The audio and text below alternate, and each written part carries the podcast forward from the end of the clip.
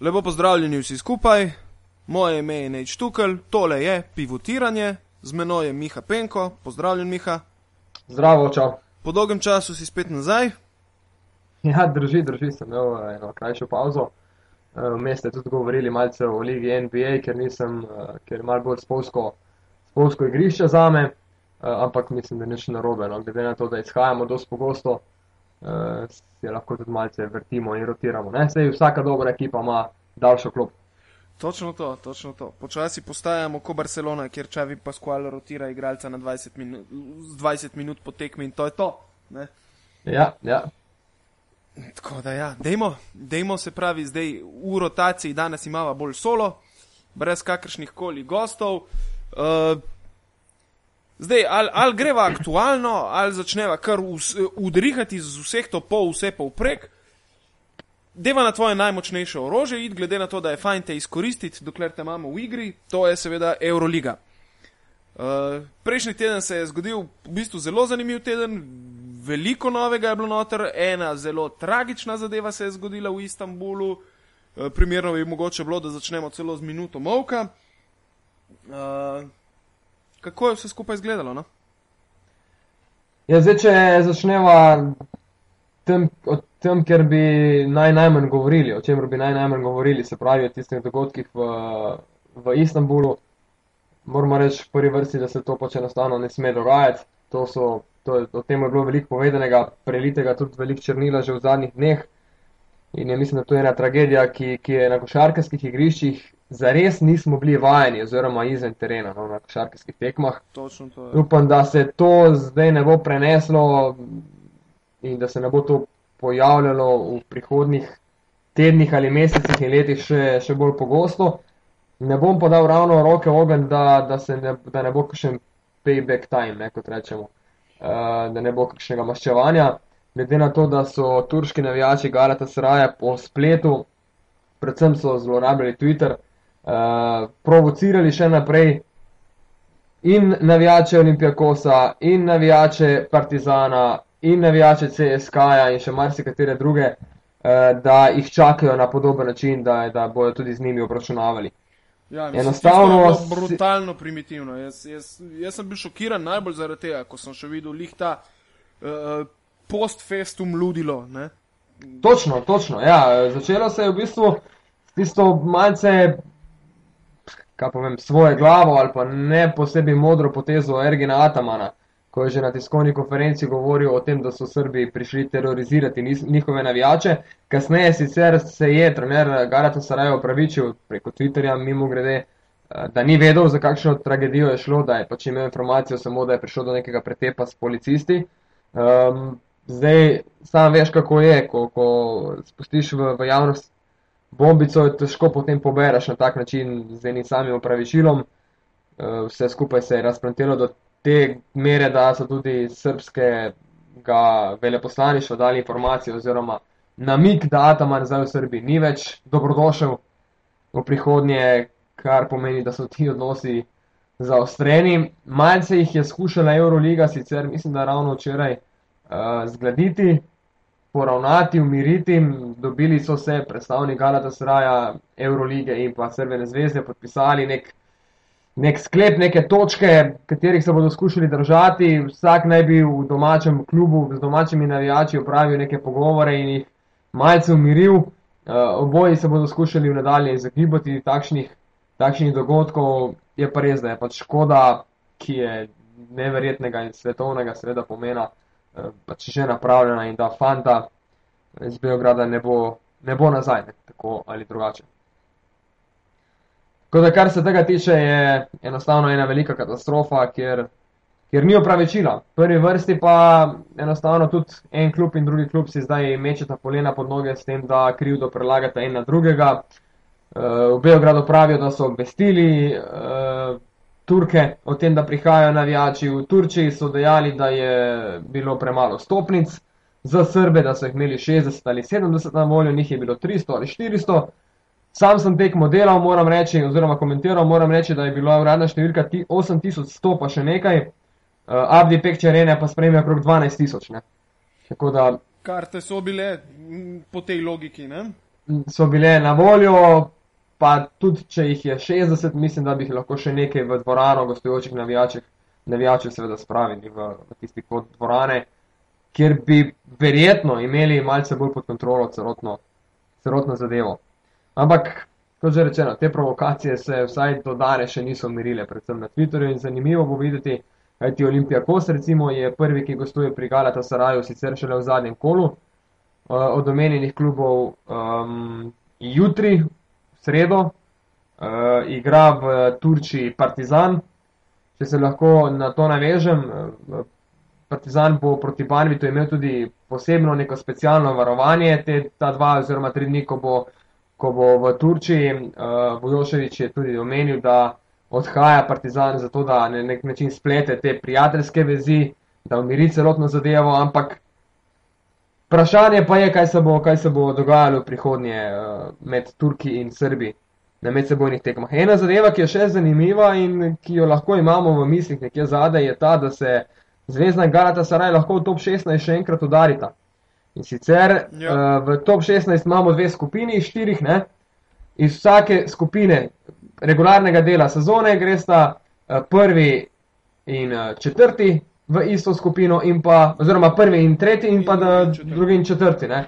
In glede na to, da bo Olimpijakos prvi, zagotovo v tej skupini je zelo velika verjetnost, da bo, po mojem, Crvena zvezda druga, pa tudi najbrž Galata Saraj nekje med drugim, tretjim, četrtim mestom. In če se bo vse skupaj poklopilo, bodo morali močno, močno razmisliti, kako izpeljati tisto tekmo v, v drugem delu Eurolige.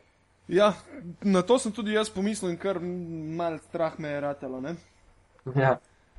Zdaj pa sama tekma, um, tako kot smo pričakovali. Tako kot smo pričakovali, na polno od prve minute, zveza se je dobro držala. Jaz sem pred tekmo napovedal, da je veliko odvisno od uh, Markusa Williamsa, tako kot že celotno sezono pri Crveni zvezdi. Takrat, ko Markus Williams igra dobro, takrat, ko deluje dobro, zvezda tudi uh, lažje prihaja do napadalnih košev. Tokrat znova Williams ni blestev na metu, njegov met iz igre je bil recimo 3-16, kar je zelo slabo, a po drugi strani je zbral 17 asistenc in s tem postavil nov rekord v sami Euroligi. Um, Turki niso bili popolni, imajo nekaj teh težav, v uh, prvi vrsti brez Micova. Um, Nej Džavaj je igral zgolj 3 minute in je na izhodnih vratih. Ne vem pa, če si opazil, predvidevam, da si. Furkan Aldemir se je odločil, da zapusti Galatasaray. Ja. Zanimivo je, da ima kar nenadoma Galatasaray finančne težave. Ne? Ja, niti ne tako nenadoma. Ne? Pet mesecev je že uh, zaostanek z izplačili. Um, tudi v nogometnem nogometni sekciji Galata Saraja se je to že govorilo pred mesecem in pol, uh, o tem, da je Wesley Snyder, vrhunski nogometaš, dejal, da bo pač zapustil klub, ukolikor ne bodo določene zadeve poravnane. In takrat se je že začelo špekulirati. Uh, če se spomniš, je Ergin Ataman tudi potekmi v Beogradu, to je bilo prvo kolo. Ja. Uh, po porazu, tako na tiskovni konferenci, dejal, uh, da ima Galata Saraj težave izven terena in ne na igrišču.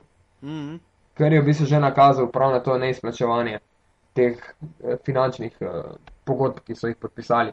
Je pa zanimivo, Ataman dejal, da lahko čisto vsi košarkeri zapustijo Galata Saraj, da bodo že našli zamenjave z izjemo enega, Carlosa Aroja, ki je igral 50 minut, Tako, se pravi oba podaljška, ja, dosegel 26 točk, zmetal 17 trojk, eh, zbral 6 asistenc, ampak dosegel pomembne koše v drugem podaljšku, takrat, ko se je Galata Saraj odlepil in, in potem zlomil odpor Crvene zvezde. Tako ja, da fantastično. Je eden tistih romantikov še v, v košarki, za katere se bojim, da jih v prihodnih letih bo vedno manj. Ja, če ti ne dvigne pritiska zmeti za tri točke. Ja, 17 trojk. To je čar romantike. ja, to, to je bil pa že malce, malce na meji ne, dobrega okusa. Lej, če bi jih od 17 šle še 4 več not in bi jih zmetel 10 od 17, bi bil glavni car. Dobro, vse je na 30 odstotkih, 6-17, tako da, ne, dobro, na koncu Galata se raj zmagal, kar se tiče da, Ni pa, je, ni pa uh, Aldemir edini, no, to sem še želel dejati, ki bo brško ne zapustil klub. Uh, Jan Vojukas je brez pogodbe pri Galata Saraju, Ne vem, če ga je zdaj v teh dneh že zapustil, že tekmo proti Zvezdi je odigral z, uh, z dogovorom, ki so ga razdrli. V preteklih dneh se pravi odhaja, prav tako je Nate Joy. Danes, pred kako uro, ti si bil še v službi, pa sem prebral, da tudi Zoran Erceg vojda zapušča Galata Saraj. To sem tudi jaz videl, samo naslov z vprašanjem. Ja. ja, dosegel je 32 točk z indeksom 41 proti zvezdi, bil jasno MVP um, tega zadnjega kola Eurolige, odigral fantastično tekmo, sploh s tisto trojko v zaključku rednega dela obračuna, ne? trojko, ki bi lahko štela za štiri točke, skoraj da z polovice terena, ja. silil podaljšek in bil zagotovo prvo ime uh, tega dvoboja. Absolutno. Je pa še ena zanimivost. Uh, zaradi peče se zmeraj spomnim na te, ko vidim RCG. Aha, vidiš. Neugodna štirica, ne? Stretch for. Tako. Zora Nerce, ki širi raketo in je trojke metal 4-7, proste mete pa 100-14. Ja, Prejle sem, prejle sem prebral, da, da obstaja varianta Real Madrid za Zora Nercega. Ne vem, koliko je tu resnice, ampak bomo videli. No. Ampak notranji spori so še naprej prisotni. Pietro Radori uh, ni zadovoljen pri Galata Saraju, tudi Ataman je javno govoril o tem, da daje premalo ekipi, omenil sem Vojukasa, Džavaj in, in Arojo sta, sta, sta na enemu izmed treningov malce grdo pogledala in pa je tudi s kratkim stikom srečala. Um, tako da je zelo, zelo veliko vprašanje. Glede na to, da je turški košarkar prvi, ki je zapustil turško ekipo, se to meni ne zdi nič kaj obetavno. Ja. Ja. Pri Džavaju mi je zanimivo, ker je lani do poškodbe v bistvu zelo dobro funkcioniral noter v, v isti ekipi pod istim trenerjem. Ne? Drži, je, je pa le. Zdravstvene težave in eh, nekako. Ja, ne poškodba, v bistvu zdravstvene težave, ne, on ima težave s srcem. Tako. Um, Očitno pa, pa bo letos težko prigala, da se raje lovi v formu. Je pa zanimiva še ena zgodba in sicer, da je Shane Lowell, eh, center Dinama Sasserija, bojda izkoristil opcijo v pogodbi in se je dogovoril z Galata Sarajem. Prav danes, da torej odhaja iz Dinama Sasseri v Turčijo. Ne vem, kakšne argumente imajo Turki, kako prepričajo zdaj košarkere, glede na to, da pač ekipa razpada, da eh, finančnih sredstev, kot kaže, ni na voljo in še nekaj časa ne bo mi zares ni jasno, na kakšen način uspejo ta moment prepričati. Če ni izgovor o finančnih sredstvih, mogoče zgolj en del predstave. Je že res, da plače zamuje, ampak ne vem, se recimo. Mislim, na, glede na, primeru, na to, da je. Na primeru Muriča v Partizanu, ne? Murič je vedel, kam gre. Ne? Ampak vseeno je, kolikor vem, on dobil zagotovitve, da naj se za denar ne boji, da denar v bistvu bo. Ne? Zdaj je pa vprašanje, ali so to besede in mislim, da kar se tega tiče, Turki tudi precej podobno uh, uh, operirajo. Ne? Vprašanje je samo, po katerem kanalu pride denar.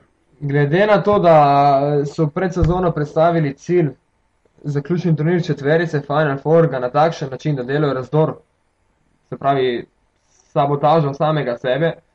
V, 25. novembra težko, težko lahko pričakujejo, da se jim bo potem vse skupaj poklopilo do konca sezone, da se bodo kocke sestavile. Močno dvomi, sploh če bo eh, še kakšen košarkar zapustil ekipo. Mogoče je pa tudi pri Ercegu malce eh, zdaj ta spor med Turki in Srbi vplival na celotno zadevo. No, ne bi rekel, da. Mogoče, ker on z Atamanom drugače zelo dobro sodeluje. Ne? Z dvema različnima kluboma je osvojil naslov državnih prvakov, tako z ja. Galato kot z Bešiktašem. Ne? Pri obeh je bil trener Ataman. Ja. Vmes je pa imel epizodo v CSK-ju pri Mesini. Ne? Epizodo, ja. O tej tekmi pa kaj velik še, še niti ni potrebno, da rečemo, da ne bo predolga. Enostavno dva podaljška, kar se je zgodilo prvič v zadnjih dveh sezonah Eurolige. Um, zvezda je enostavno po domače rečeno pukla v med 45 in 50 minuto drugem podaljšku dosegla samo sedem točk, enostavno je bilo nekaj sforciranih metov, Arojo se je razigral, zadeval trojke in, in na takšen način je potem težko, težko vse skupaj podaljšek. Je vendarle kratek, to je pet minut, za kratko si ekipa nabere, nabere šest, sedem točk prednosti, je, je zgodba zaključena. eh, lažje se zdaj pogovarjamo o tem, ali bi zvezda morala tekmo dobiti po rednem delu, ko je v končnico prišla s prednostjo 4, 5, 6 točk, imela 3 točke prednosti, ob tem, ko je imel Galata Saraj zadnji napad tistih 5 sekund ali 6 sekund do konca. Mislim, veliko tam... ljudi pravi, da bi zvezda takrat morala delati faul. Ma če mene vprašaš, Jaz ga tudi ne bi delal. Ne, glede na to, da se je. je šans bilo, da bo Ercek tisto zadev. Mislim, tisto koliko, pač je bil, ja, pokazala, ja, koliko je bilo šans, da bo, da bo sploh Ender Arsen uspel žogo oddati, glede na to, da se je na svoji polovici že močno zapletel in potem iz enega nenavadnega dvokoraka brez nekega ravnotežja podal žogo na levo stran, ravno Ercegu spet v en korak in v trojko. Vse se je tako. In še, in še je bil uh, kapetan zvezde. Eh, Luka Mitrovič z roko, recimo v, v bližini Ercega. Verjetno, verjetno bi malo kdo na Ercegu napravil osebno napako. Če že, potem na, na mogoče Andrew Arson. Mislim, potek mi je bilo dosti, bi rekel, razgretih glav in tako naprej. Uh, jaz sem imel to srečo, morda, uh, ker sem zelo pozno prišel iz službe, da sem celotno tekmo si ogledal v ponovitvi. Uh, In nekako, ko sem si ogledal tekmo, sem jih razmišljal in sem rekel, jaz nisem imel zvezdi, kaj očitati v tisti končnici. V, vse odločitve so se mi zdele čisto normalne. No? Mislim, uh, pač, ja, lahko potem razmišljaš, morali bi takrat to narediti ali pa to, ampak v tistem trenutku nisem videl nobene kardinalne napake. No. Ja, se moram strinjati, se pravim, ker je bil tudi uh, Arsenal zelo, zelo solidno pokrit na sredi terena. Se pravi, onemogočen mu je bil med polovice terena, mora biti med v zadnjih sekundah. Uh, onemogočena mu je bila kolikor toliko dobra asistenca, ampak je vendarle to je ena izmed, ne vem, mogoče, ne vem, če petih tekem, ki se je na tak način, ki bi se na tak način lahko, lahko zaključila. Se pravi, pet odstotkov, več jih sam ne bi dal.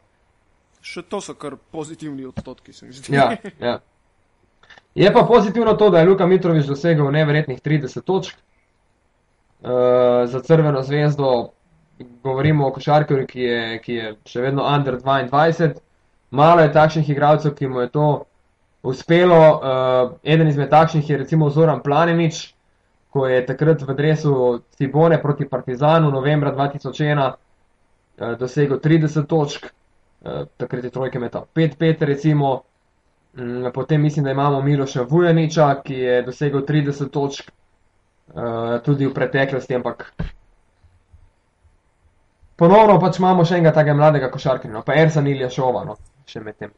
Mislim, da ima uh, srpski selektor Saša Đorđević veliko sladkih skrbi za naslednje Evropsko prvenstvo, ker kolikor jaz gledam zdaj, se uh, srpski roster kandidatov za reprezentanco zelo močno širi. Ne? In je bazen kar nadoma zelo velik. In tukaj prihajajo ven tudi igralci, ki lahko postanejo res klasa igračine. Ne? Ja, sigurno je, je uh, se pravi, Luka Metrovič eden izmed teh, ki bo močno, močno potrkal na vrata na, na svoji poziciji. Zoran Ercek, videli smo tudi ta dvoboj na, na tej štirici, večji del tekme, 31, 1 pa 32 točk, mislim, poslastica od tekme. Enostavno. Mm -hmm. In, in, in hkrati, uh, jaz sem že na tem obračunu napovedal, da bo zvezda znala imeti težave potem, glede na to, da se je igralo 50 minut, glede na to, kakšni dogodki so bili, ki so zagotovo vplivali tudi na fante, na vodstvo kluba, vsi so se ukvarjali uh, z navijaškimi dogodki. To vpliva na ekipo, da bi znali imeti težave potem v jadranskem tekmovanju. Ne? In, uh, niso bili super suvereni, v ponedeljek proti CD-viti, ki so jo vendarle uspeli v končnici dobiti. Je pa jim nasproti stala ravno CD-vita, ki je v bistvu v tem času že zelo skonsolidirala vrste, odkar se je vrnil roko Leni Ukič in Kovč Repeša. Ne? Uh, tudi Unikaha se je v tem kolu Eurolige kar precej pomatrala z njimi. Ne? Ja. Tako da v bistvu so imeli najbolj neugodnega nasprotnika v tem trenutku, mogoče. Edino bolj, niti ne vem, če je bolj neugodno, no? gostovanje v Morači še bi, bi znalo biti. Uh, ja, ali pa mogoče Partizan, no? mestni dvobo je vedno, ja, vedno ja, zanimiv, ne glede na stanje Partizana. Mislim. In glede na to, ko pravim, da, da vse skupaj je zagotovo vplivalo na fante, je dogas tudi uh, Marcus Williams. Verjetno si opazil, s kakšnimi telovadnimi copati je, je nastopal. Se da dobiti kje sliko tega Madona. Se da, se da dobiti, enostavno rest in pis, napis predej uh, in pa ime fanta, ki je izgubil življenje v, v Istanbulu, kar je še dokaz temu, da, da, da so fanti dobro vedeli, zakaj gre. Mm -hmm. Če skočiva še naprej po ostalih tekmah šestega kroga na brzino, uh, Bayern München je morda celo presenetljivo uh, bil povožen v, v Audi domu za 22 točk strani Barcelone, uh, tako da nekako izgublja kontakt z top 16. Ne? Ima to srečo, da Milano ni suveren Tako, v, v tako, tej ja. isti skupini ne? in da Milano ne uspe pobegniti, recimo, če bi Milano premagal Fenerbahčeja na domačem terenu, kar ne bi bilo tako nenavadno, v lanski sezoni. Uh, bi Milano imel tri zmage, Fener tri in bi potem Bayern in Turo bila z eno zmago, dve zmagi zadaj, kar bi bilo zelo, zelo težko loviti. Tako pa enostavno Nemci še vedno ostajajo, vendarle v, v boju, korektnem boju tudi za, eh, za top 16 Eurolige. Eh, Čaka jih še tekma z Milanom, sicer na gostovanju, ampak ne glede na vse, mislim. Je pa mal presenečenje, vendarle, kako je delovala ta zasedba Svetislava Pešiča, nekoč prvaka prav z Barcelono. Eh, Zanimivo je še to, ne, podpisali so Boja Makelova na organizatorskem mestu, mislim, da za mesec, za mesec dni, košarkar, ki zdaj ni bil v ritmu, dolgo časa, ravno se bo sestavil, ravno bo prišel nek ritem, pa bo zelo verjetno odšel iz, iz Mihna, tako da je to ena izmed, recimo, eh, malce nenavadnih morda odločitev, no, če ni kaj v ozadju ali pa če še nima kakšnega dogovora vnaprej pripravljenega. Zelo možno, da ga imajo. Ne? Je pa verjetno ta en mesec, kot bi rekel, probna varianta, da vidijo, kako hitro bo padel noter v ritem. Kar mislim, da za takega profesionalca, kot je Bomo Kelep, ne bi smel biti problemov, ker mislim, da je vzdrževal mm, fizično pripravo v tem času, ko je bil brez angažmaja. No? Nikoli ni slovel Bomo Kelep kot en igralec, ki se zapusti v, v času, ko ima pauzo. Ne? Bo, mislim, prva tekma še ni pokazala neke super vrhunske forme. E, Igral je 18 minut, dosegel mislim na 4 točke. Um, vsekakor pa bo Bayern mo- moral zdaj začeti zmagovati. Najprej ga čaka obračun proti Panathinaikosu na gostovanju, potem odhajajo v Milano. Doma proti Turovu bi nekaj tekmo morali dobiti in potem še gostovanje v Istanbulu. E, Tri gostovanja od štirih tekem za četo Svetislava Pešiča. Mm. Ob tem, ko so zabeležili štiri zaporedne poraze. Ja, predvsem jim je bil verjetno velik kiks tekma proti Turovu, ki so jo izgubili. Ne? Nekako jaz pred sezono, ko sem pogledal to skupino smrti, sicer ok, je treba priznati, da same ekipe Turova nisem ne vem koliko poznal, ampak kljub vsemu sem kar suvereno razmišljal, da se zna zgoditi, da bo Turov odšel iz te skupine brez ene same zmage. Ne? Ja. ja, ampak eh, koliko zmag si pa napovedal, recimo Neptuna so klepili, ne? Ja, tudi ne toliko. V bistvu sta me oba Ja. litvanska kluba v Euroligi letos zelo presenetila. Ne? Tudi uh, sam Žalgiris igra izjemno kompaktno, z zelo dobro obrambo in uh, brez nekih velikih zvenečih imen, kot jih je imel recimo pred dvema letoma, ko je bil trener uh, Joan Plaza. Ne? Je pa Žalgiris institucija, ne košarkarska. Je, je, ampak že To dolgo je- časa niso imeli take konsistentne igre. No, ne že dolgo časa. Na zadnje so imeli pod plazo. Ne? In glede Ja. na to, v kakšnih finančnih problemih se nahajajo, ni, ni izgledalo, da bo zadeva tako splavala. Ne? Se bom strinjal, ampak že primer Olimpije v Evropi ti da vedeti, da, da, da lažje igrajo v Evropi kot marsikatera druga ekipa, ki nima takšnega slovesa v Evropi in je morda v jadranskem tekmovanju celo boljša. Uh, ali pa na regijskem tekmovanju celo boljša od same Olimpije.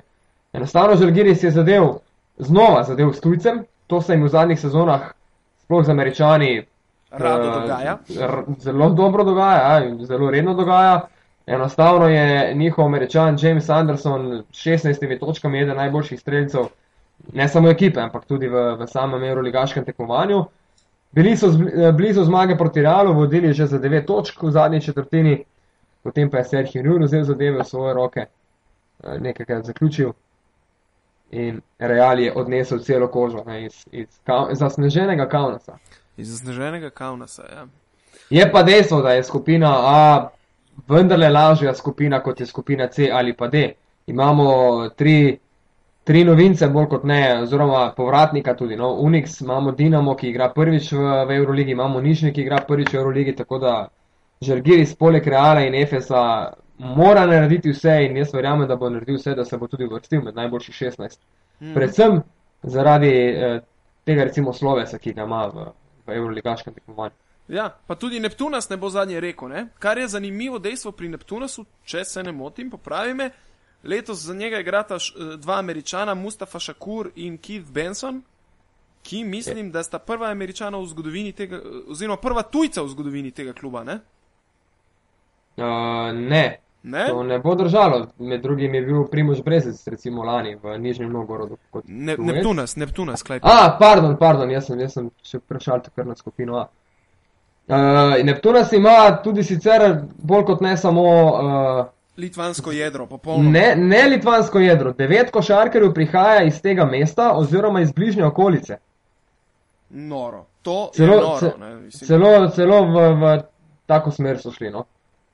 In po drugi strani je tudi uh, Kit Benson, košarkar, ki se je priključil šele v četrtem kolu Neptunasu. Ja. Uh, sezono so začeli samo z Mustafo Šakurjem. Se pravi, devet košarkarjev iz, iz Klepede uh, in bližnje okolice, tri litovci iz, iz Litve, iz drugega dela države in Mustafa Šakur. To je, to je bil začetek, začetek sezone za, za Neptunas. To je noro, Ker je... je- ker že v slovenski ligi ne moreš najti kluba, ki bi imel sestavljeno jedro iz domačih igralcev iz mesta in okolice. Ne? Kaj šele v Euroligi? In da potem ta ekipa doseže tri zmage. Ja, to ja, je ja, vrhunsko. Mi smo, je izjemna zgodba o uspehu in bi bilo pametno mogoče malo poštudirati njihovo šolo uh, in mladinsko in tako naprej, s čim uspejo toliko kvalitetnega kadra izobraziti. ja, in kot sem se uspel malce pozanimati, že imajo v zadju fante nekje 95-96 letnike, ki, ki so bojda zelo, zelo obetavni. No. Dobro, čast. morda še, pre, še premladi ta moment za, za kaj več, ampak ok, mislim, takšna ekipa kot je, kot je Neptunas je nekaj fenomenalnega za, za moje pojme, ta hip, ko, ko vendarle je še vedno neka recesija, tudi v košarki, da finančni zneski niso več takšni, kot so bili. Je pa eh, podoben način obrala tudi CD-vita, ne? ki ima prav tako, bolj kot ne hrvaške košarkarje, z izjemo organizatorja igre. Vlada Bosansko, ja. Bosansko-hercegovskega, go, Nemanja Gordiča, Ja. bosansko-hercegovskega porekla. Ampak od CD-viti ne bova kaj velike, verjetno, glede na to, da, da bo imela velike težave. Ja, čeprav še vedno ni izven igre. Ne? Uh, izven igre ni še nobene ekipe na splošno, so si pa nekatere že uvrstile uh, v top 16. CSK, Barca, Olympiakos. Tako je. To so ekipe, ki že imajo dovolj zmag, eh, pač tudi v teoriji, tudi matematično gledano, sicer lahko prištejemo, prepričan sem, in Real, in Efes, verjetno Unikaho, Makabi, Panathinaikos, Fenerbahče, v skupini D pa, no ja, Je še Zvezda. marsikaj odprto. Zvezda, če bo premagala Neptunas v četrtek zvečer ob 19. uri. Ja. Po eni To strani je- tudi Valencije ni za odpisati, čeprav ima zelo težek razpored do konca. Ne? Ja, uh, absolutno. Absolutno, Valencija je verjetno pokazala manj, kot smo pričakovali. Tudi z okrepitvijo na zadnje še ni, še ni prišla do nekih dobrih rezultatov. Ja, je bila pa igra dobra proti Olimpijakosu. Mislim, me, že dvakrat je Valencija zgubila nekako, ko sem jaz rekel, ok, zadeva že ima obliko. Ne? Samo mogoče timing ni ta pravi. Ma oni so tudi izgubili in Lafayette na organizatorskem mestu, ki je, ki je kritična pozicija. To se vidi v Milanu. Mhm. Uh, Milano se ne uspe sestaviti niti v do- domačem prvenstvu, ne samo v, v evroligaškem tekmovanju. Mhm. Tako da tisti, ki imajo, ki imajo te težave, se enostavno vidiš, katere ekipe so na vrhu. Ekipe, ki so imeli organizatorji igre že od lani, vsaj, vsaj en del, vsaj enega od dveh, recimo, branilcev že iz lanske sezone. Imamo Real Madrid, ki je tu praktično nespremenjen. Imamo CSK, ki je dodal košarkarja eh, Nanda Dekoloja na, na organizatorsko mesto. Ja. Barcelona ima enega poveljnika, glavnega, Olimpijakos, Bili, uh, Spanulis.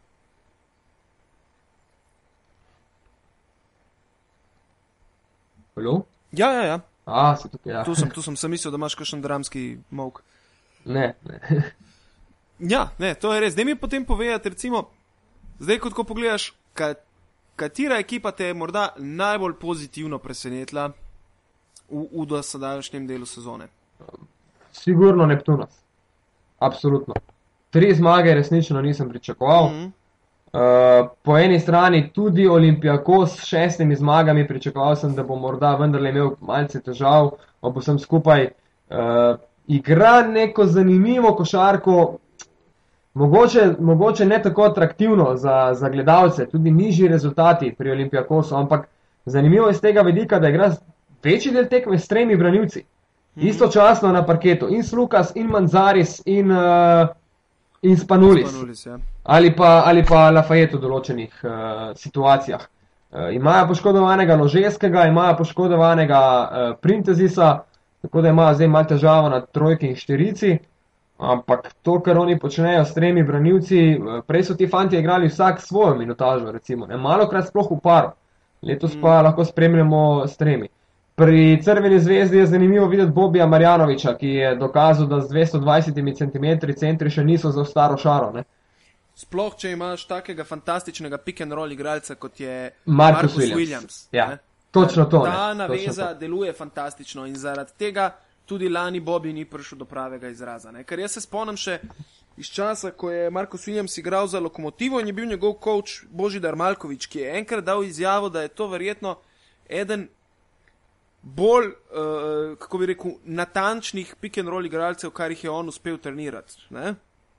Takrat, ko ga uspeš imeti na vajah, imam občutek. Ja, ja. Takrat, ko mu daš svobodo, ampak še vedno ne toliko, da pobezlja po terenu in, in začne, začne igrati tipično ameriško košarko.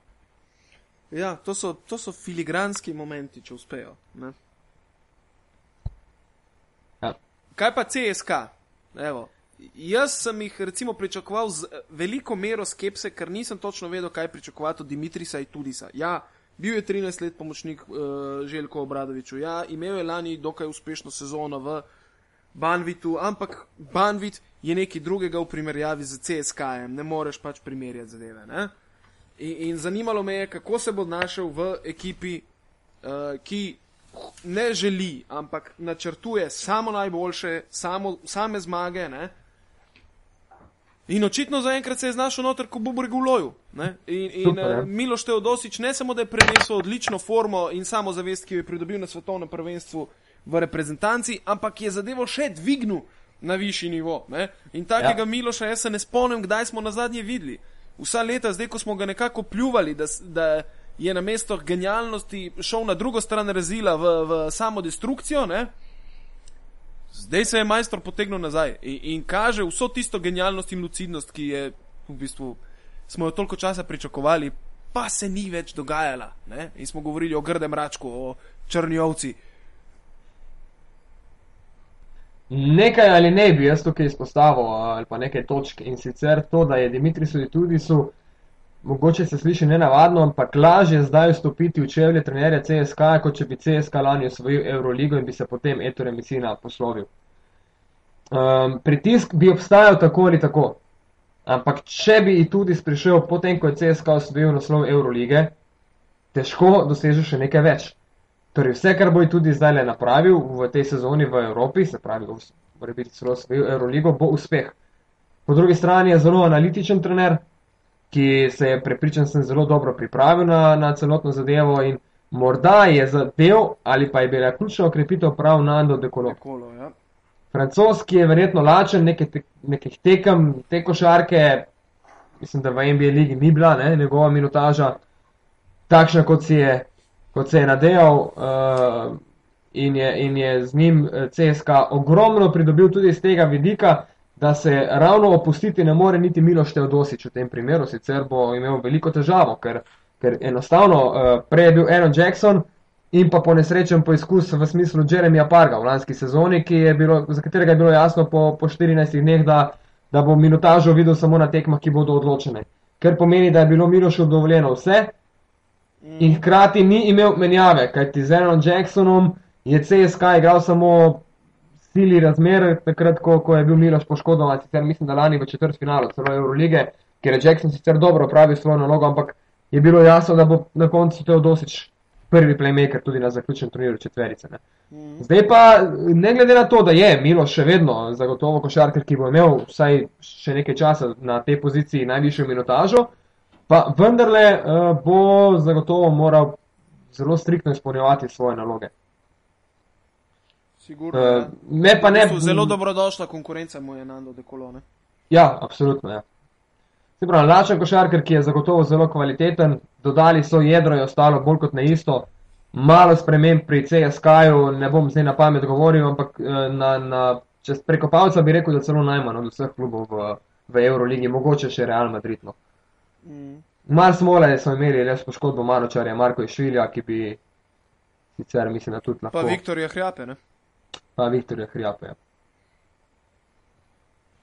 Njega v bistvu še Eh. kar čakam, da se vrne. Me zanima, kako bo izgledala potem še igra CSK-ja, ker da Viktorju Hrjapo, Hrjap, Hrjapo imam mogoče celo, uh, bi rekel, en tak kraš košarkarski. Ne? Zmeraj mi ga je bilo zelo všeč gledati v igri, sploh v tisti sezoni, ko je igral za CSK še Kirilenko, ko je ekipo vodil Jonas Kozlauskas. Tisto je po mojem mišljenju, ne glede na to, kako so izgubili finale z Olimpijakosom, bila ena najbolj atomskih košark, ki sem jo videl v evropskem klubu. Ne. Konstantno so nekako igrali z žogo nad obročem, zadeva je letela in, in razumevanje med Krijapo in uh, Kirilenkom je nekako bilo popolnoma slepo. Ne. Ona dva sta se vohala v bistvu po terenu. Sej tudi zdaj tudi pušča nekoliko bolj uh, napadalno košarko. Več svobode imajo v, v ofenzivnih akcijah, kot so jih imeli pri Mesini, ker je bilo vse robotsko, ne nastrojeno. Se pravi, timing, eh, pravočasna podaja, točna podaja, to je na nek način bilo, bilo glavno vodilo pri, pri Etorju Mesini. Pri tudi so pa mislim, da v napadalnih akcijah pušča, pušča tudi več prostora. Mm. A, Sami košarkarjem, ki so košarkarski virtuozi. Mislim. Ko se Ja. sname Milošu Teodosiču, vemo, da je to lahko najboljši playmaker v, v Evropi. Definitivno. Tako, ja. Tako da mene, ja, tako da mene CSK ne bo, ne bo, me ne preseneča ta, ta hip, pa tudi če bo tako nadaljeval, me to ne bo kaj posebej presenečilo. Mhm. Ok, sem še kaj pozabil izpostaviti v sami Euroligi, imaš še kaj tukaj za dodati, ali greva naprej na tvojo drugo umiljeno temo? Uh, ne, lahko greva dalje, recimo kratko napoved, kot sem že rekel, Crvene zvezde in Neptuna so za zvezdo, mislim, da to tekma sezone v četrtek. Če jo dobi, je bolj kot ne že med najboljšimi 16. Um, in, je- in je to tista tekma, ki jo pač enostavno hkrati pa ne, niso, niso visoko izgubili pri Neptunusu, da tudi če bi prišlo do nekega kroga. Um, sta Zadeva točki- lahko se hitro odvrti v njihov prid. Ja, in še tole sem prej mogoče pozabil izpostaviti, ko smo že pri krogu. Zvezda je Galata Saraj doma premagala za 8 točk, v Turčiji izgubila za 7. Mm. S tem, da če se dobro spomniš, je, je imel um, Luka Mitrovič dva prosta meta, ni celih 20 do konca tekme. Takrat je bila razlika 9 točk. In uh, mogoče je bilo vsem nenavadno, zakaj sploh Srbi še iščejo eno akcijo, še en koš, pa se je pod obroč podal Luka Mitrovič, nad njim je bila osebna napaka, zadel dva prosta meta, ki, sta, ki zdaj pomenita pol točke več v medsebojnih tekmah, Tako, ja. eh, zmeroma proti Galata Saraju. Tako je. Ja. Važna je koš razlika v takih zadevah. Tako, Sploh v taki tako. skupini, kjer nekako še vsi visijo gor, ne? kjer ni odpisanih. Absolutno, to je mislim, najbolj izenačena skupina, če štejemo Olimpijakos, ki je pač prvi. Eh, Zvezda, Galata, Saraj, Neptuna, s tri zmage, tri poraze, Laboral 2-4, Valencija 1-5.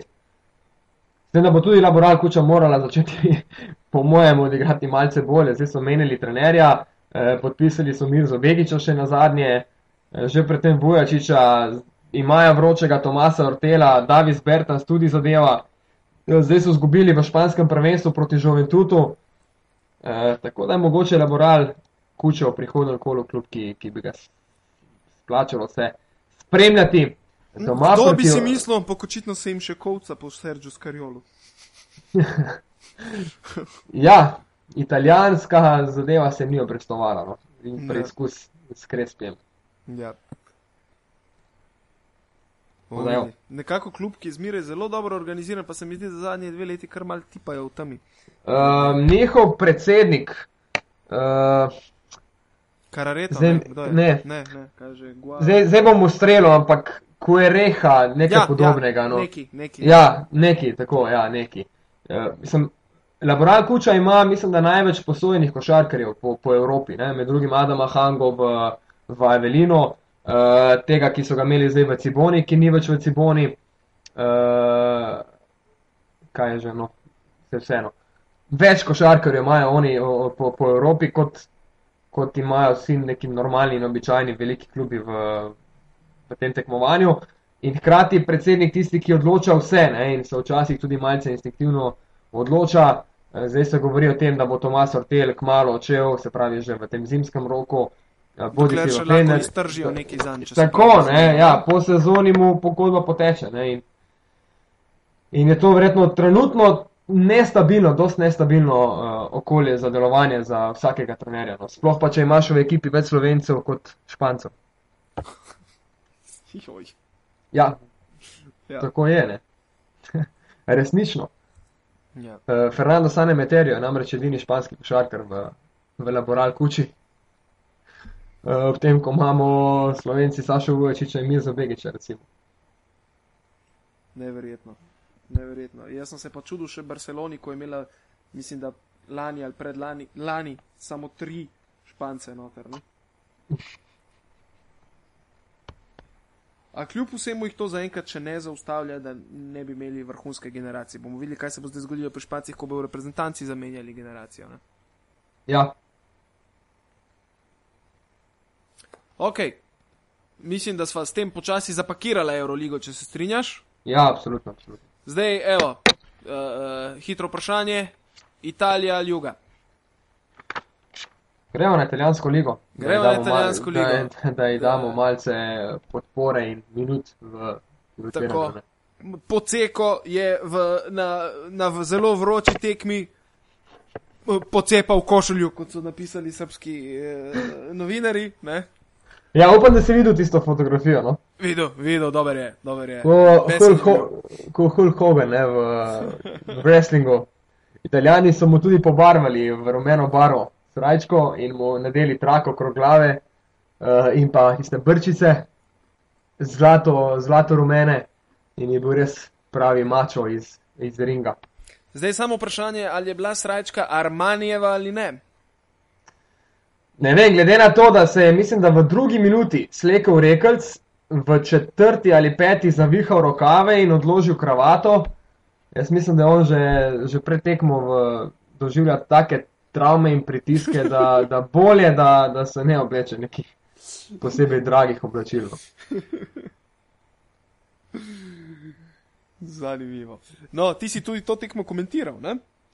Ja, drži. Uh, to, to, to je ena klasika italijanska. Eh, Vareza ima 10 naslovov, uh, Milano 26, uh, se pravi skupaj 36 naslovov, pa mislim, da še 10 pokalnih naslovov skupaj. To je en, en uh, dvoboj, ki je sicer nekoč imel večjo težo, ampak Vareza je zanimiv klub. Dve zmagi imajo letos, zdaj so zabeležili pet zaporednih porazov. Sprva, zgleda to na lestvici, seveda katastrofalno. Oni so tudi izven play-offa, ta hip, smo šele na začetku, moram podariti. Ampak noben od teh petih porazov ni bil višji od devetih točk, kar pomeni, da je vse izviselo v treh, štirih žogah. Uh, tudi z Milančani so enostavno izgubili z manjšo razliko. Uh, tako da so imeli zares kar nekaj smole na, na vseh teh tekmah. Je pa Gianmarco Poceko uh, že pred sezono, ko se je, ko se je podal v, v zgodbo Vareze, je dejal, da bo Vareze znova italijanski prvak. Uh, to energijo prenaša na gledalce, prenaša na igralce, ki igrajo pač posebno, s posebnim, mislim, da nekim nabojem. Enostavno pa take super kvalitete, uh, mogoče ta hip nimajo. Je pa en handicap, če zgubiš trenerja v 19 minuti po, po drugi tehnični napaki. Uh, če potem trener še naprej nadaljuje, mogoče, mogoče bi moral svoj temperament vendarle malce, malce umiriti, ampak po drugi strani ga pa prav zaradi tega imajo italijani eh, Tako tako zelo radi v, v medijih, na Twitterju in vse posod je zgodbico gromo. Ja, ali pa računa na ludilo, ne? nekaj podobnega, kot je svoje čase, ne morem reči delal, ker je samo vprašanje časa, kdaj bo to spet ponovil, Dulevo Joševič. Ne? Ja, ampak mislim, da je bilo za tisto, tisto njegovo golamo vendarle skrito za res ogromno, ogromno enega eh, mladega talenta in hkrati tudi ogromno dela, Mm. ki ga pri Partizanu zares eh, ni, ni manjkalo v vseh teh letih. Bi pa pri poceku omenil še eno zadevo, ne? in sicer, da je pred sezono na tablo v slačilnici zapisal uh, šest napotkov oziroma ali ne, uh, če jih kar povem. Ne? In sicer prva gre uh, spoštuj in imej rad svoje soigravce, druga je ne zamujaj, tretja je uh, lahko greš, uh, bi rekel, provod, kako se to reče v slovenščini. Uh, ven se Na zabavamo. žur, ja, ven se zabavati, ampak nikoli pretekmo. Povej mi vse, torej zaupaj mi vse. Uh, tu sem zato, da skupaj osvojimo in uresničimo sanje. In kot številko šest je zapisal, uživaj. Mm. To je napravil že v, v predlanski sezoni v Orlandini na Siciliji, kjer je bil dve sezoni trener. Kjer je tudi končal Eh, igralsko kariero. Ne? Tako in uh, zdaj to svojo energijo prenaša na, na svoje košarkarje pri, pri Vareze. Vsekakor pa uh, mogoče ta hip italijanska liga ne ponuja nekih ekstremno, ekstremno dobrih in dragih zaseb, z izjemo mogoče Milana, ki, ki zapravi nekaj več denarja na prvi ekipi. Tukaj imamo klube, ki plačujejo 4, 5, 6 tisočakov na mesec, kar se mogoče ne zdi malo iz prve, ampak za neko resno zgodbo proti klubom, ki plačujejo med kaj pa vem, 200 ali pa 150 in pa 1 milijon v Evropi, vemo, da, da potem težko ne. Mm. E, konkuriraš tudi za, za, za, za kaj več v, kot italijanski klub v, v tem tekmovanju. Imajo pa italijani za to, to navijaško bazo, recimo, kar relativno močno in dobro razvito, glede na kakovost košarke, ki, ki ni ravno na najvišjem nivoju. No. Imajo vroče terene, uh, Venecijo, Cantu, Avelino, Bologno, Reggio Emilio, ne na zadnje, tudi Milano v zadnjih dveh sezonah se publika vrača in pa Vrača, ja. sploh Sasari, pa Vareze smo tudi videli. V Milanu imajo srečo, da futbalski klub trenutno ne blesti. Ne? En in drugi, ja, Tako. en in drugi. So pa, so pa tekme, moram reči, kar zelo, zelo zanimive, izenačene. Pezaro je recimo na zadnje, s košem v zadnji sekundi odločil tekmo, tudi tu smo spremljali že podaljške, tako da um, vsi klubi so padli na, ne, na neko to, recimo, dobro srednjo kakovostno v, v Evropi.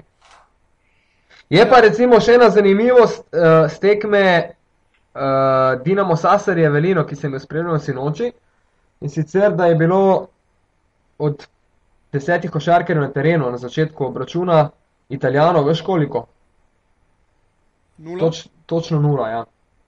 Točno nič. Tudi Dinamo Sasari eh, prednjačijo bolj kot ne američani, tu pa tam kakšen nigerijski košarkar, eh, najboljši strelec pri Dinamu, recimo, ki je eh, zmagovalec superpokala in udeleženec Eurolige, najboljši italijan po številu košev, je šele na sedmem ali osmem mestu, zdaj mislim, da na sedmem mestu Deveki eh, v, v svoji ekipi. Mislim, da s tem problemom se oni srečujejo že leta in leta, ne? zato so nekaj časa imeli to pravilo, da koliko jih že mora biti not šest ali nekaj takega. Ne? Uh, pa tudi italijanski košarkari so potem, ne glede na kvaliteto, bili v bistvu nekako precej dobro plačani, ne sicer v takih razmerah, kot so recimo Rusi ali Turki po svojih domačih ligah, ne? ampak je to en tak zanimiv precedens in uh, vprašanje, kako bodo to rešili. Če Ja. sploh. vedno se vračamo, mislim, da k osnovam, ne? se pravi k razvoju svojim koša, svojih košarkarjev. To more biti vodilo, uh, ki pa ga mogoče za italijanski ligi ni. Uh, je pa res, da bodo sprejeli, če še niso na združenju prvih ligašev, tudi dodatna pravila v zvezu za prihodnje, za prihodnje sezone v zvezi teh mladih košarkarjev. Koliko jih mora biti v ekipi, uh, da morajo biti to košarkari svoje uh, mladinske šole in tako dalje. No, tukaj se zdaj neki pogovarjajo. Ja, Ne vem, pa, ne vem pa, če bo sprejeto. No. Ja. Ja, pardon, pardon, sem te prekinul. Ne, sej, prav, ne vem pa, če bo sprejeto vse skupaj. Mhm. Jaz se recimo ne poznam sicer tako dobro italijanske lige, ampak zadnji mlad košarkar, ki se spomnim, da je prosperiral tako resno noter, je bil Alessandro Gentile, ko je igral še v Trevizu, kjer je bil trener Saša Đorđević in takrat njegov soigralec Ani Bečirovič, ne, ki je potem že med sezono šel v Milano. Uh, sem še koga takega bolj pomembnega spustil ven, ker konec koncev Gentile je zdaj taki tvori v bistvu jedro tudi reprezentance italijanske. Ne? Dobro, Nikolo Meli je tukaj pri svojih 23 letih že ekstremno izkušen, Tako je, recimo. Ne? Tako je. Eh, Sploh, če štejemo pri Milanu. Za njega imaš uh, občutek vse čas, da je starejši v bistvu. Ne? Uh, ja, glede na to, da, da se ga spomnim v Euroligi že za res, Ja, mislim, da je ne štiri ali pet sezon. No. tako je. Ja. Tako da je pa, je pa še nekaj teh mladih košarkarjev v, v drugih klubih. Uh, bomo pa videli, kdo se bo uspel prebiti. Enostavno jim zdaj tukaj svali mogoče ena močna Roma iz velikega mesta, ker uh, dokler bo Dinamo Sassari drugi italijanski klub, ki bo konkuriral Milano, mislim, da to ni tista prava liga. No. Ni Dinamo, sicer je zelo povezan z okoljem. Uh, tam navijači zares živijo za klub in vse, ampak ni to Bologna, kot je bila nekoč, uh, ni to Benetton, kot je bil nekoč v Trevizu. Ne vem, mogoče če se bo Venecija kaj zbudila, ampak vprašanje, če lahko, vendar se to potem manjši kraj, no, poleg Milana. Tukaj mislim, da bi ena Roma, ki ima nižji proračun še kot lani, zelo pasala, poleg Milana. Glede na to, da pač tudi Bologna ne uspe zdaj sestaviti nekih super, super visokih uh, budžetov. Ne. Reggio Emilia ima zdaj dosti izkušene košarkarje v letošnji sezoni, napadli bodo tudi italijanski naslov. Spet kaj pridobimo s tem, če bo Reggio Emilia državni prvak. Ne vem, Kaukenas, veš, da je star, mislim, okrog 37. Ja, Uh, Dinar jih ima preko 30, tam nekje 33, uh, Činčarini kot playmaker je nekje na, mislim, da je moj letnik, se pravi 28. Res je, da so vzeli tega dela Valeja, ki je bil tudi nekoč MVP mladinskega, mislim, da evropskega prvenstva takrat z Italijani. Uh, zadnje leta je sicer preživel na študiju v ZDA, ampak ne vem. Potem pa imajo še oba Laurinoviča, no. enega sicer poškodovanega, ampak že, že te, ki sem ti zdaj naštel, ti, ti povejo veliko o tem, da je povprečje starosti v tej ekipi bliže 30 kot pa, kot pa 22. ja, to je res. Imajo enostavno. Ja. Kaj pa vem? No? Je pa Milano tudi v italijanskem prvenstvu že izgubil dve tekmi. Ne? Prej smo že dejali, da ima težave, zdaj ima težave še s poškodbami. V Italiji ne igra zaradi suspenza Daniel Hackett, se pravi, igra samo Euroligo. Uh, na zadnje, Kakšen suspenz je pa zaradil, če mal... po, poleti, poleti v reprezentanci, A ne, ja, ko je ja, zapustil. Ja, ja, ja, razpušča. to, tako, to, časno, ja. To gre tja do, mislim, da do januarja se bo še malce zavleklo, no. Uh, govorili smo že o Milanu, da so zamenjali pač Inkita Langforda in Curtisa Jaresa z Reglandom, da organizatorji mogoče niso ravno uspeli naj, najti adekvatne zamenjave. Uh, v zadnjih tednih se je pojavljalo, da se želijo rešiti oziroma da bodo iskali zamenjave za Maršona Brooksa, za Linasa Klezo in pa za Trentona Mitchma. Dobro, ta tako ali tako tudi neke priložnosti ni dobil, za razliko od Kleze in pa, in pa Brooksa. Se je pa prav Maršon Brooks na zadnjem italijanskem prvenstvu popolnoma razigral. Milano je premagal Vareze in Brooks je dosegel 37 točk, dodal 7 skokov, eh, pokazal je največ volje, predvsem pripravljenosti za igro, zagrizenosti od vseh tekem, mislim, v letošnji sezoni pa sem Milano gledal že ne vem, petkrat, šestkrat ali sedemkrat. E, tako da mogoče ga je vendarle ta napoved, da znajo narediti kakšno rošado v ekipi, vendarle prebu, prebudila. No. So pa igrali brez Gentileja, ki ga muči hrbet, še tekme proti Fenerbahčeju. E, Kleza prav tako zaradi poškodbe ni igral, tako da imajo zdaj ta moment oni ogromno težav in me ne čudi, da se ozirajo in spremljajo po, po Merkatu. Mm. So pa že demantirali tudi, uh, uradno demantirali novico, da uh, se dogovarjajo z Bojem Makelemom uh, za nadaljevanje, potem ko se mu pač izteče dogovor z Nemci. Pa čeprav so verjetno najbolj tanki prav na organizatorskem mestu. Ja, in, in se mi zdi, da bo bi verjetno kar precej pasal noter v njihov koncept Ja. playmakerja. ne. Bi pa sem še eno zadevo dodal okrog Milana, pa potem lahko zaključimo in sicer, da je ekipo vendarle sestavljal Livio Proli. To je mož, ki je lani bil strani Eurolige, pa se bo mogoče malce ironično slišalo, izbran za najboljšega uh, v svojem poslu, se pravi za najboljšega menedžerja, no? ko zbere Euroliga ob koncu sezone. Um, res je, da je Flavio Portalupi zdaj prevzel to njegovo vlogo v letošnjem letu, ampak ekipa, ki jo je sestavil lani najboljši mož v svojem poslu, razpada sredi meseca novembra. Mogoče zato, ker je najboljši mož v svojem poslu šel stran. Bo, bo, bomo videli v prihodnih tednih in dneh. Ja. Vsekakor bodo oni imeli najprej prvi cilj v, v Euroligi se sestaviti skupaj in si tam zagotoviti. vrste, ja. eh, Tako, ja. V italijanskem prvenstvu je enostavno nuja to, da prideš med 8 oziroma za Milano med 4, da imaš potem vsaj prvem delu prednost domačega igrišča, eh, da, da si v play-offu, ampak tam je še velik tekem. Mhm. Torej, pf, sva še kaj pozabila pri italijanski ligi? Ne bo, že pustirati kaj za drugič. Zdaj tako, uh, se Jadranske lige kaj lotiva ali jo zapakiramo za drugič? Uh, Deva v dveh minutah povedati, da je, se so prej že omenila, Crvena zvezda slavila proti CD9, ob tem, da je zabeležila še deveto zmago v letošnji sezoni. Uh, omenil bi predvsem zaradi tega, ker je Jaka Blažič blestev, ne? Ja, v drugem Tudi- času je definitivno zbudil svojo ekipo in mislim, da na začetku je metal trojke 4-4. ne?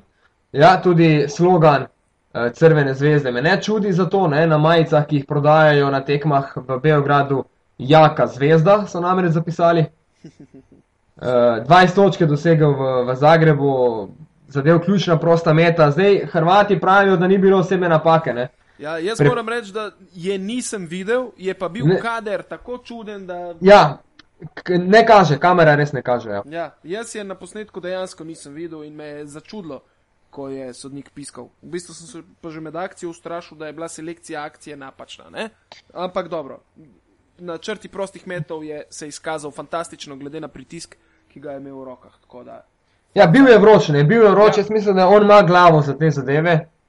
Uh, je pa res, da je sposoben tudi dvakrat, uh, in to takrat, ko ni pritiskal, v prvi četrtini vreči mimo. Ne? mm, to je tudi že pokazal v letošnji sezoni. Sodni so pa slovenski sodniki. Pukl Javor in Sašo Petek, ki so sicer evroligaški sodniki, no Hrvati zdaj z njimi niso bili, niso bili zadovoljni, pravijo, da osebne napake Ukiča ni bilo in da je to bilo darilo z neba za, za CD-vito. a, tako. Ja, Olimpija zgubila proti budučnosti. No, tu uh, mislim, po... da ni bilo nič presenetljivega, glede na to, v kakšni formi je letos budučnost v Morači. Ne? Ja, in v kakšnih težavah, predvsem zdravstvenih, je Olimpija v, v zadnjih dneh, tednih, mogoče že. Glede na to, da bodo Ljubljančani jutri iskali drugo mesto v, skupin, v svoji skupini v, v Ligi Evropa, mi zdaj gre na. Uh, Evrokupu. v Evropskem pokalu, ja. Uh, moramo omeniti to, no, da, da imajo težave s poškodbami. Saso Sali in kljub drugačnim napovedim ni odpotoval Mm. v Moskvo, še naprej je težava z gležnjem, boj, da je obnovil neko poškodbo, torej stara poškodba. Jaz vem, da je on že predlani močno, močno tožil po vsaki tekmi in da so mu tudi njegovi soigravci parkrat že rekli, da naj kakšno tekmo spusti, ampak je en tak čuden patron, ki, ki, ki je enostavno želel igrati na vsaki tekmi in se bojim, da bo to mlademu fantu pustilo posledice v prihodnji v njegovi karieri, ampak zdaj ga je očitno toliko zabremzalo, da enostavno ni odpotoval. Horvat ima poškodovano prepono, Luka Rupnik težave z ramo, uh, še nekaj časa bo odsoten, pravijo, da več kot so sprva mislili. Odpotoval pa tudi ni Jaka Brodnik. Po drugi strani je to lahko dobra novica za Klemna Prepeliča, ki je po prihodu v Olimpijo zaenkrat še vedno indisponiran. Ne? Ja, je dožnik, zago- zago- zagotovo. In mogoče je to idealna priložnost prav za njega, da uh, dobi tiste svoje minute in, in s kakšnim zadetim metom si tudi povrne samozavest, ki jo očitno zelo rabi. Po eni strani me je kar malo začudilo, uh, da je bil v bistvu, če pogledaš njegove zgrešene mete, psihično očitno zelo slab. Ne? Uh, ker konec koncev je tudi po slabi končnici, uh, kjer praktično ni igral v Turčiji, še vedno kar solidno odigral v reprezentanci, glede na izkoristek, ki ga je imel pri Zdovcu. Ne? Zato sem nekako pričakoval, mogoče, da bo hitreje uh, uh, se ulaufal v sami Olimpiji. Ne? Ja, za me bi on lahko bil in bi moral biti faktor X, kot rečemo, Mhm. -huh. v tej zasedbi. No. In upam, da se bo enostavno uh, sestavil. Pa hkrati me tudi na nek način veseli uh, izjava Aleša Pipana, ko je dejal, da je pomembnejša tekma za Olimpijo proti MZT-ju v jadranskem tekmovanju v koncu tedna in ne tale v Rusiji. Absolutno. Kar popolnoma podpiram, to ne pomeni, da, da so šli v, v Rusijo na, na, na izlet oziroma po poraz, ampak ne glede na vse, eh, Jadranska liga je tista, skozi katero je potrebno iskati uh, konstantno formo, resne, dobre tekme in šele potem kot nagrado odigrati to, to evropsko tekmovanje. Tako, ja, se strinjam popolnoma. So pa imeli težave, ljubljančani na, na, na poti. Uh, direktor Matej Zupančič je zapisal, da se je razlilo gorivo na letališču že in da so zaradi tega imeli malce, malce zamude pri vzletu. Zdaj upam, da je vse bilo v nadaljevanju ok. No. Da ne bodo imeli kakšnih težav potem tudi še v, v Moskvi. Boljše to, kot pa da fašeš ptiča v, v mo- propeler, verjetno. Ne, Ja, oziroma motor. ja. Absolutno, ja. Ok, mislim, da lahko zdaj potegneva črto in nekako zaželiva tako Olimpiji kot Krki, ki je tokrat nismo omenila, srečo ta teden. Uh, ja, deva še dve zanimivosti sem pripravil, ravno sem očel jaz eh, in opazil, da je Mega Vizura spremenila ime in ni več Mega, Mega Vizura. Mega Lex. Kot, za, kot zadnjih pet sezon, tako je Mega Lex za naslednji uh, dve, tri sezone. Bo tako. In to že na prvi tekmi proti CD-viti kmalo. In pa, da Džoko Šalič ni več košarkar Partizan. Partizana. Tako. In s tem je tudi Aleksandr Raškovič, ki ima uh, pod svojim imenom in v svoji agenciji kar nekaj slovenskih košarkarjev, tudi sicer NBA košarkarje, da, da se razumemo, uh, nima več niti enega klienta v moštvu Partizana.